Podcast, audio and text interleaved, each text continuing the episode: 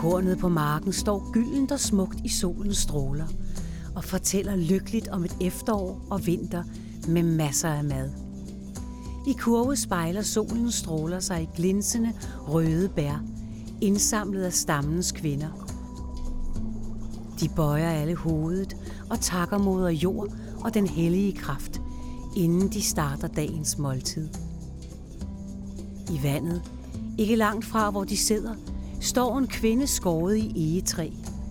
Hendes hofter er runde og brede, og benene er let spredte, så man kan ane det ris, der markerer kønnet. Lavet af egetræ og næsten 3 meter høj, rager hun op i mængden som et helligt midtpunkt. En gruppe kvinder bøjer sig ned, mens de placerer duftende mad, smykker og urter i små lerkar i vandkanten. Og vinden bærer deres sagte og messende takkebøn ud i den verden, der endnu en gang har skænket dem livet.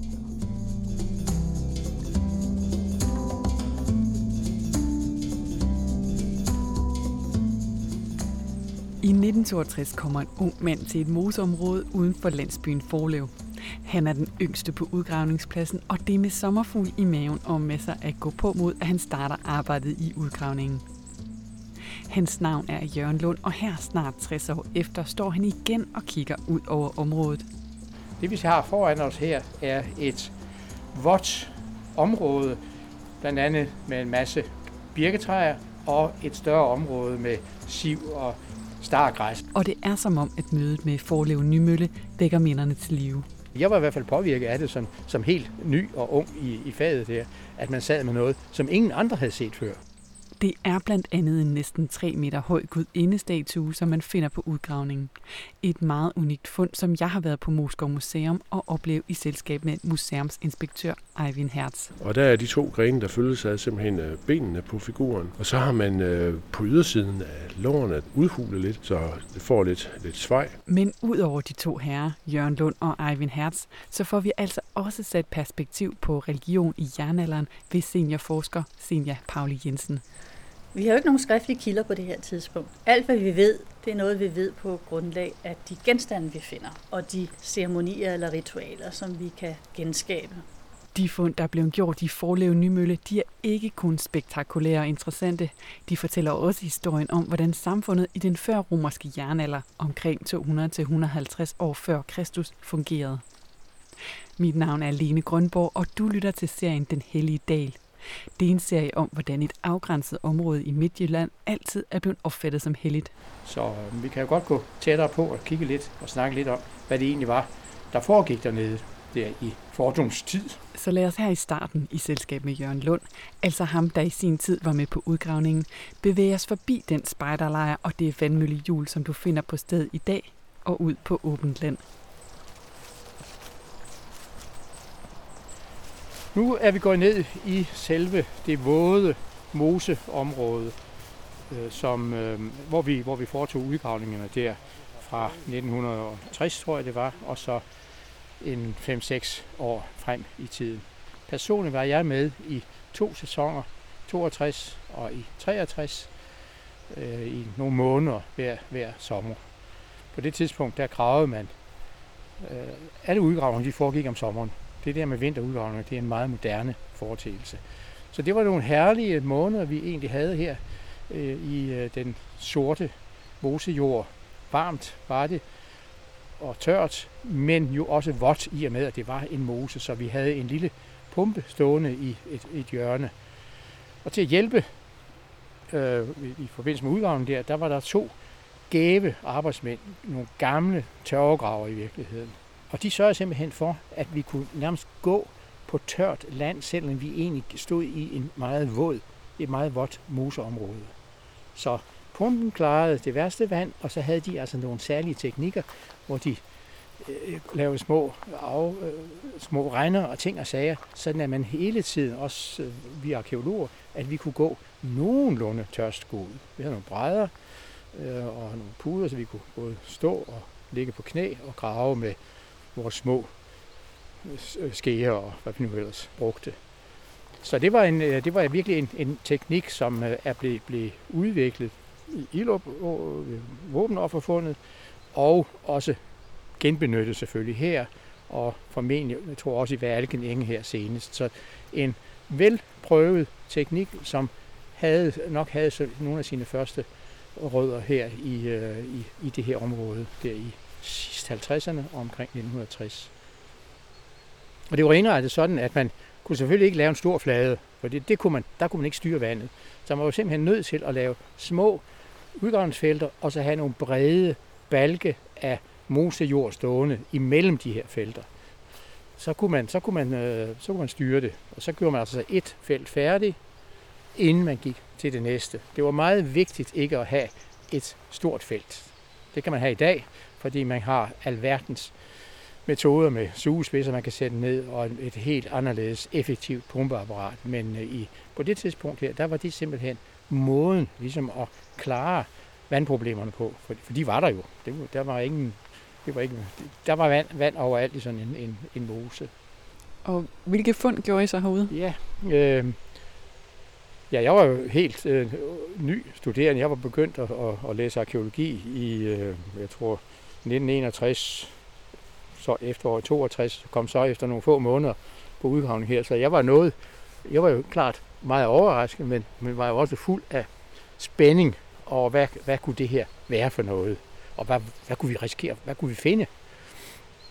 Og der var der altså virkelig noget at komme efter for en, for en ung, uerfaren øh, student.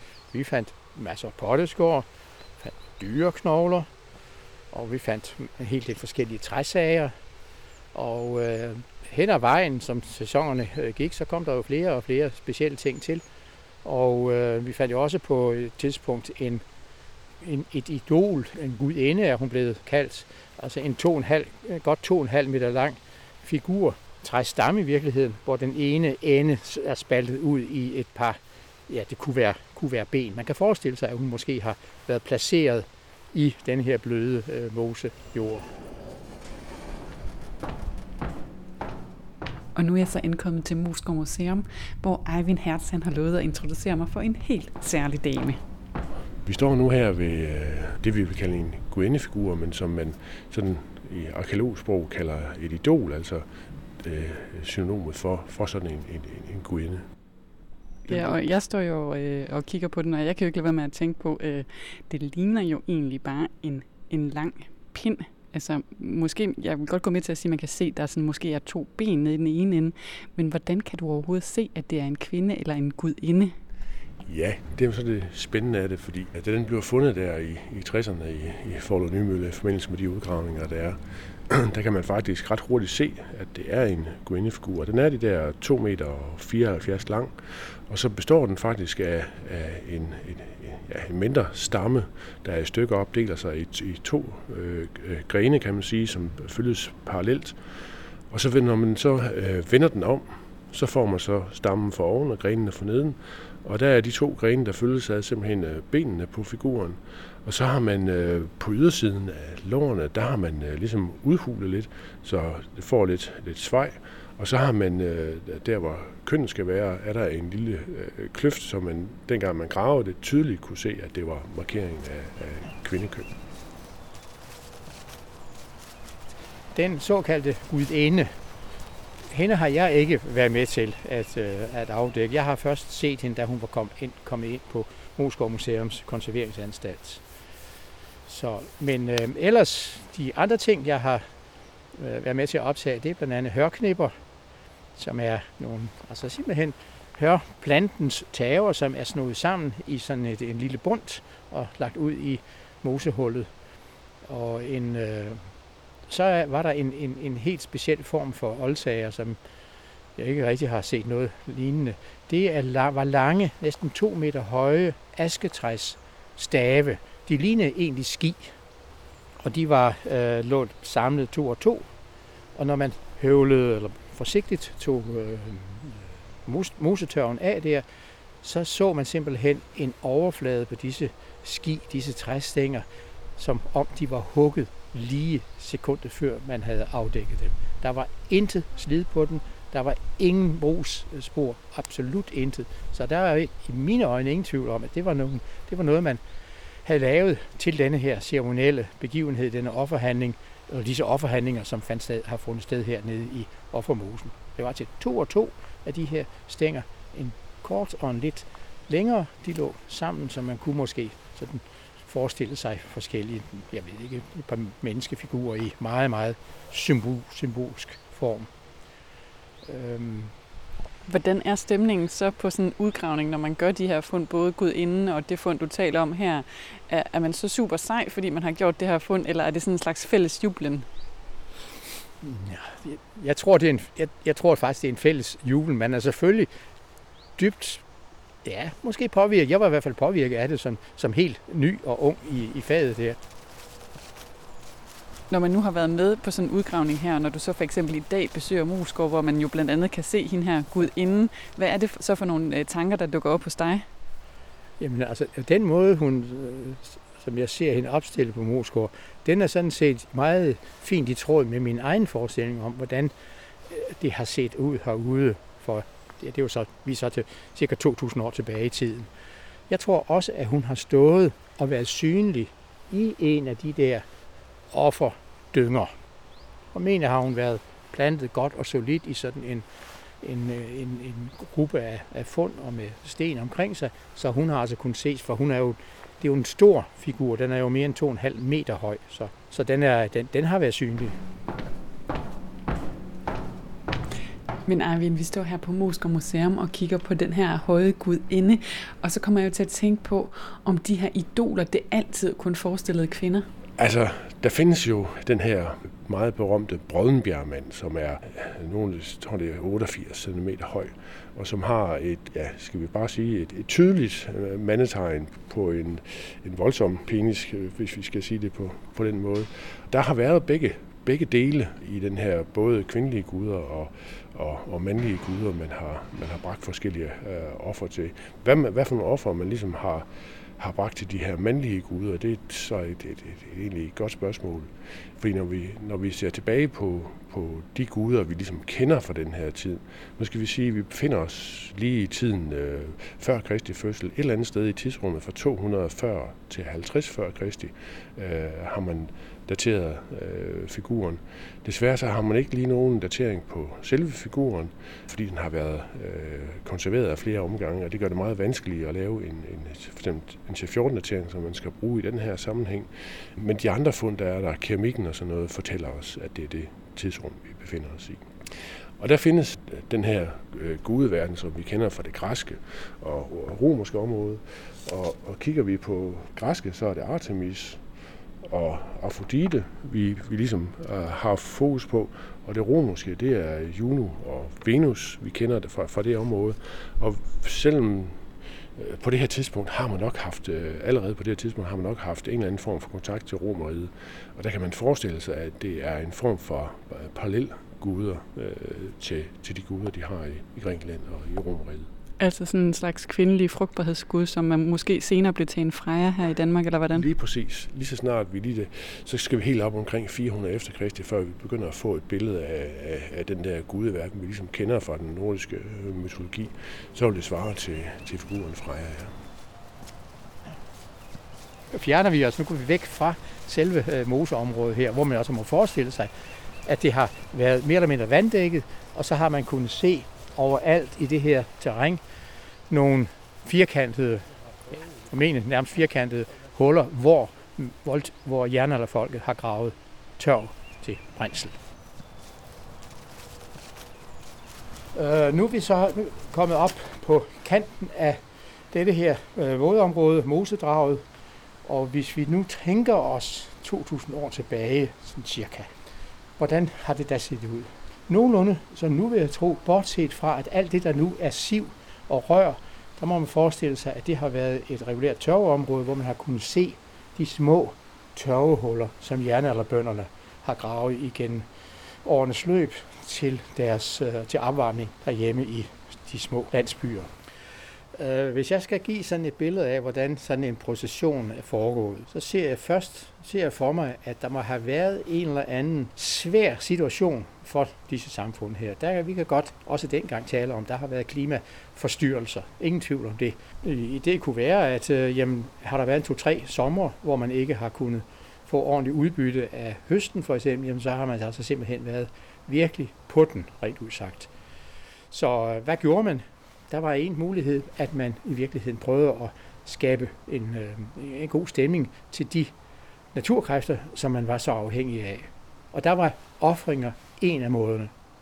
Så her kommer man altså kommer i den situation, der skal sørge mig at gøres noget her, og der går bud til de omkring liggende landsbyer her, og bliver indkaldt til et større arrangement, hvor man i fællesskab foretager en stor offring. Og lad os nu centrere os omkring øh, Gudinden, at hun, som jeg ser hende, så tror jeg simpelthen, at hun har været bemalet. Jeg har ikke fundet spor af, det må jeg indrømme, men hun har været bemalet, eller i det mindste omviklet med forskellige farvestrålende stoffer, vil jeg øh, øh, tøj, så man har kunne se denne her. Man har simpelthen, det er jo det er et velkendt fænomen faktisk, man har bare en pind, og så klæder man ved denne pind på som en slags menneskelignende eller gudlignende øh, figur. Sådan også her, som jeg ser det. Og så har man haft en procession bagud med nogle særlige øh, udvalgte, måske de ældste i hver landsby, som har gået med sådan nogle asketræsstave her, klappe dem. For når man klapper dem sammen, så giver det altså en fantastisk fin lyd. Så her snak og sang og gøren en ved, og så en slå en takt eventuelt via med, med hjælp af de her parvise øh, asketræsstænger. Og så ellers et regn af børn og unge og gamle og tykke og tynde, og alle har været samlet selvfølgelig, fordi det er også vigtigt at være til stede sådan en begivenhed. Der sidder man ikke hjemme ved ildstedet og, og, og triller tommelfinger. Nej, man skal altså være med og se og ligesom bidrage med sin egen øh, ånd til den her øh, særlige øh, store begivenhed. Jamen Eivind, vi står jo herude på Moskov Museum og kigger på den her gudinde. Og øh, sådan som udstillingen er bygget op, så står vi faktisk ligesom og kigger lidt ned på hende, men man kan faktisk også gå ned ad en trappe og så kigge på hende nedefra op. Skal vi ikke prøve at gøre det? Jo, det gør vi. Så går vi ned ad trappen her. Yes.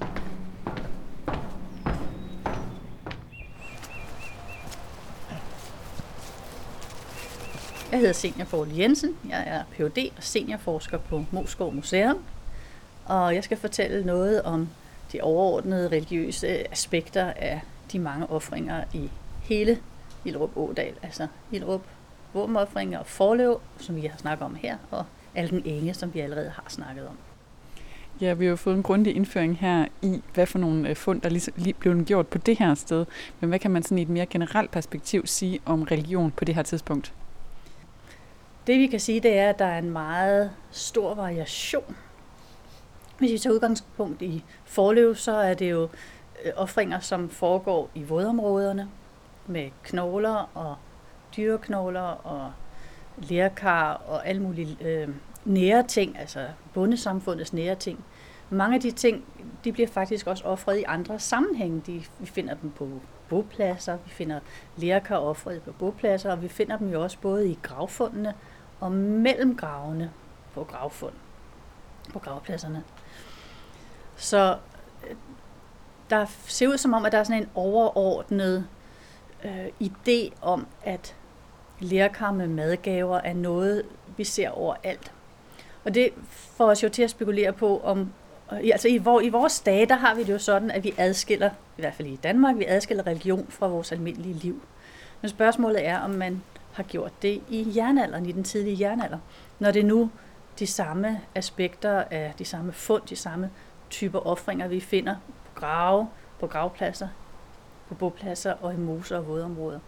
Så måske skal vi snarere tænke på øh, religion eller tro eller spiritisme eller hvad I vil kalde det, øh, som sådan et, et noget, der er der hele tiden. Det er en integreret del af hverdagen, som vi ikke kan adskille. Når det er sagt, så ser vi jo også de her, vi kan kalde det højtider eller særlige begivenheder. For eksempel øh, de offringer hernede i Forlev Nymølle, hvor det ser ud som om, at der er sket noget særligt, eller der er en særlig situation, som man skal have, have gjort noget ved, og så samler man hele landsbyen til nogle ceremonier, som typisk har noget at gøre med at øh, få, få fejret eller få offret, eller ja, fejre forfædre, eller ofre til guderne for at få lykke og held i landbruget. Men den samme, altså de samme riter er jo også noget, vi kender. Altså det der med at ofre i vådområder, kender vi også fra øh, nogle mere konfliktfyldte situationer. For eksempel nede i Alken Enge, hvor der har været et stort slag, og hvor man så gør sjove ting med knogler bagefter. Eller oppe ved Ilderup Ådal ved Våbenofferfundet, hvor at der er, har været en, en voldsom begivenhed, eller flere voldsomme begivenheder, og man har brugt offringerne til dels at lave en signalværdi af, at der er noget, der er sket, og der er noget, der er afsluttet, men også måske et, øh, en samlende øh, kommunikation, man kan kalde det rituel kommunikation, hvis man skal være rigtig fin, men det handler i virkeligheden om, at, at vi fortæller hinanden, hvem vi er og hvor vi er i livet ved ritualer.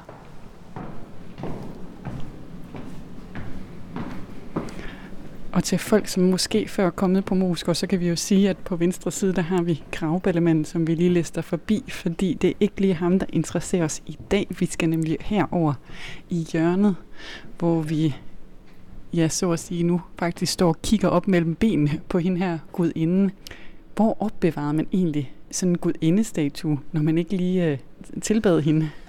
Altså det, det, det kan godt tænkes, at de der offringer har været en form for sæsonbetonet øh, i forbindelse med, med høst måske, eller man har sået, så at den kan have stået fremme i, i ja, den varmere del af, af året, og måske have været taget ind i, i vinterhalvåret. Men det der så er sikkert, det er jo, at enten så er hun blevet øh, glemt på et eller andet tidspunkt, fordi hun øh, ligger nede i, på, på bunden af den her øh, sø, eller også at har er der sket nogle ændringer i, at det er måske et andet sted, man har, har, har valgt at lave de her offringer til, at måske lave den ny øh, gudinde. Hun ligger her i hvert fald. Og det er, det er faktisk et meget interessant spørgsmål, fordi hvor mange har der været af de her øh, gudindefigurer, også de mandlige øh, figurer, idoler? Fordi vi tror faktisk, at det har, der har været ganske mange af dem i jernalder. Øh, ikke bare i den periode, jeg har nævnt, men hele den før-romerske jernalder, der 500 til op til Kristi fødsel, og så også øh, efterfølgende perioder. Fordi de her offringer, vi taler om, det er sådan, øh, samtidig siger jeg hverdags øh, offringer, men det er det jo ikke, men, men det er den slags offringer, en hver landsby foretager. Og man kan faktisk forestille sig, at, at øh, en landsby har ganske bestemt øh, vådområde, sø, tilknyttet deres landsby, og det er der, de bringer deres offringer og forhåbning om frugtbarhed og, og, og takke offringer. Så i virkeligheden så ligger der måske rigtig mange flere derude, de er bare ikke fundet. Og man kan sige, at, at øh, hvis, hvis, man, hvis det ikke er arkeologer, der graver ned, det er andre, der er gravet ned for at dræne eller lave andre arbejder i sådan nogle moseområder, så ser man ikke, øh, hvad det er, man, man kommer ned til. Nej, for det kræver alligevel et godt øje og lige have, have et blik for, at, øh, at den her lange øh, pind eller kæp, at, at det er en god ja. indestatue. Vi kan faktisk se det noget tydeligere nu, lidt hernede fra, hvor vi står nu, at at selve ydersiden af lårene lige har, har fået lige er, er, er, er taget lidt af, af træet, så det får den der mere øh, kvindelige figur. Ja, for det kan være, at vi også lige skal i talesætte farven på gudinden her. Altså, den er jo sådan helt mørk, og det vil jo øh, igen det her kendetegnende ved, at den har ligget og været opbevaret i mosen så mange år, ikke? Ja, det er sådan typisk for, for træ, at øh, det får den der meget brune øh, farve. Nogle af de øh, bløde træsorter, det kan godt, når man så lige kommer ind under, stadigvæk være lyse. Men det, det vi ser på idolet, figuren her fra, fra Nymølle, det er den der lidt brune. Man kan faktisk godt se lidt på nogle steder, at den er lidt lys, hvor stadigvæk hvor træet er, men på ydersiden. Og også kan man faktisk se, at der er barkrester bevaret på den. Så det er altså ikke sådan, at man har taget barken af figuren. Uh, hun har sikkert stået med, med bark på, men med de der tilskæringer, som man tydeligt kan se, at det er en, en kvindefigur. Og Signe, vi står her og kigger ud over et ja, nærmest guddommeligt fint landskab, ved man noget om, om folket på den tid havde en gud, flere guder, eller sådan nærmere måske tilbad selve naturen? Når man ser på, hvor forskelligartede offringerne er her i ældre jernalder, så tyder, kunne det jo tyde på, at man har guder til forskellige funktioner. Altså guder, som har noget med landbrug og frugtbarhed at gøre, guder, der har noget med krig at gøre, og guder, der har noget med død at gøre, og alle de der ting. Øhm, men vi ved ikke, om der ikke også kunne være naturkræfter, men det kunne sagtens være. Måske kunne selve, man kunne godt forestille sig, at et vådområde, som jo både kunne give tørv til brændsel og myremalm til det vigtige jern, at det blev opfattet som særligt helligt, eller de guder eller kræfter, der er der, er noget særligt. Så vi kan ikke udelukke, at der også bare er noget naturkraft, øh, religion hen over det. Var religion en sådan en statisk størrelse? Jeg tror, at religion øh, bruges og udvikles til det formål, man skal have det til. Her i Forlev Nymølle er der jo også forskellige typer offringer. Det kan godt være, at det er inden for det samme spekter af landbrug og frugtbarhed, men der er stadigvæk, så der finder vi en gudinde, og så er der nogle askestave, og så er der nogle dyreknogler, og så er der nogle lærkar. Så der er sådan et spekter, som kan varieres lidt. Men når der så kommer et forfærdeligt slag nede ved Alken Enge, jamen så må man jo finde en anden måde at markere det der på. Men man skal jo, religion bruges jo til at forklare verden. Ligesom ceremonier og ritualer bruges til at, at sætte os i, i et forhold til hinanden og til verden, så øh, kan ceremonier og religion bruges til, at vi forstår, hvad det er, der er sket, og vi kan få en afslutning. Det er også det, vi gør, når vi begraver vores døde, så har vi en ceremoni og nogle ritualer, som afslutter det. Vi slutter med kirkekaffe den dag i dag, ikke? fordi så slutter vi sammen. Det har man også tegn på, man har gjort dengang med, med øh, fester, eller i hvert fald rituelle måltider på gravpladserne. Ja, fordi hvordan blev de begravet på den her tid? Her de her sidste par hundrede år inden Kristi fødsel, der var det brandgravskikken, som dominerede. Og langt hen ad vejen, der, var det, der er det de samme genstandsmaterialer, vi finder. Vi finder lærkarne i gravene, og så kan vi finde nogle øh, dragtnåle og forskellige bæltebeslag og sådan. Det er ikke så voldsomt der midt i før romersk jernalder. Det er først op mod Kristi fødsel, at vi får sådan noget, der ligner noget mere hierarkisk med våben og redskaber og mere bling-bling i gravene. Men midt i før romersk jernalder, der er det meget beskedne grave, og det passer meget godt til vores forforståelse af et landbrugssamfund, hvor at man passer sine ting, og hvis høsten går galt, så må man gøre noget ved det, ved for eksempel at ofre eller, eller skifte taktik. Så hvad kan religionen, eller de ting, vi ligesom ved om religion, hvad kan de fortælle os om samfundet generelt på det her tidspunkt? Det er utrolig mange af de her øh, lirkar-offringer i moser og vådområder. Man kan næsten ikke finde en mose i Danmark, hvor der ikke har ligget nogen mosepotter. Så det er sådan en utrolig udbredt skik. Og det, det underbygger jo det, det der bundesamfund, hvor man øh, dyrker sin jord og laver sin jern og producerer smykker og tekstil og får dagen til at gå med de der gøremål der. Jeg tror, det er svært at adskille øh, det religiøse liv fra det ikke-religiøse liv, når vi er i jernalderen. Øh, jeg tror, at, at religion og ceremonier og tro er til stede altid. Altså, om det så være husguder inde i husene, eller øh, hvad hedder det, ceremonielle måltider på gravpladserne, efter man har begravet bedstemor. Det hænger alt sammen sammen. Men når det er sagt, så tror jeg også på, at der er nogle steder, som er mere hellige end andre. Ikke nødvendigvis tabusteder, som øh, men der er nogle steder, som er mere hellige, og hvor, som har en særlig funktion i øh, det religiøse liv. Og her er Forløv Nymølle jo et af dem. Det er et sted, hvor man går til og får ting, man får tørv, og man får myre mellem til hjernen, men man giver også nogle ting. Man giver øh, offringerne tilbage, og så håber man på at få noget igen for det. Det er sådan en cost-benefit-analyse, der er blevet gjort. Vi har et problem, vi skal have det løst. Når der er blevet offret i forlev igennem flere hundrede år, så er det jo ikke kun fordi, at at man har kunne se det efter 100 år, den lille tørregrav, hvor der er sat en protte i. Det er fordi, der er sådan en kollektiv erindring om, at det her sted var vigtigt. Forlev Nymølles høje græs og ranke piletræer forsvinder bag os, da vi kører af den lille skovsti tilbage mod hovedvejen. Mon lokalbefolkningen og spejderne på stedet stadig har en fornemmelse af, at det altså var lige her, men i jernalderen mærkede en særlig hellig kraft – der er meget mere berette om området, og hvis du gerne vil vide mere, så kan du som altid gå ind på oplevgudno.dk podcast. Og så skal jeg selvfølgelig også sige, at du er meget velkommen til at give podcasten stjerner eller dele den med andre. Men undersøgelsen af den hellige dal slutter ikke her. I næste afsnit der skal det handle om et andet og senere fund i området, nemlig det ved Illerup Ådal, ikke langt her fra Forlev Nymølle. Og her er der tale om et ekstremt stort våbenfund, som vi skal se nærmere på.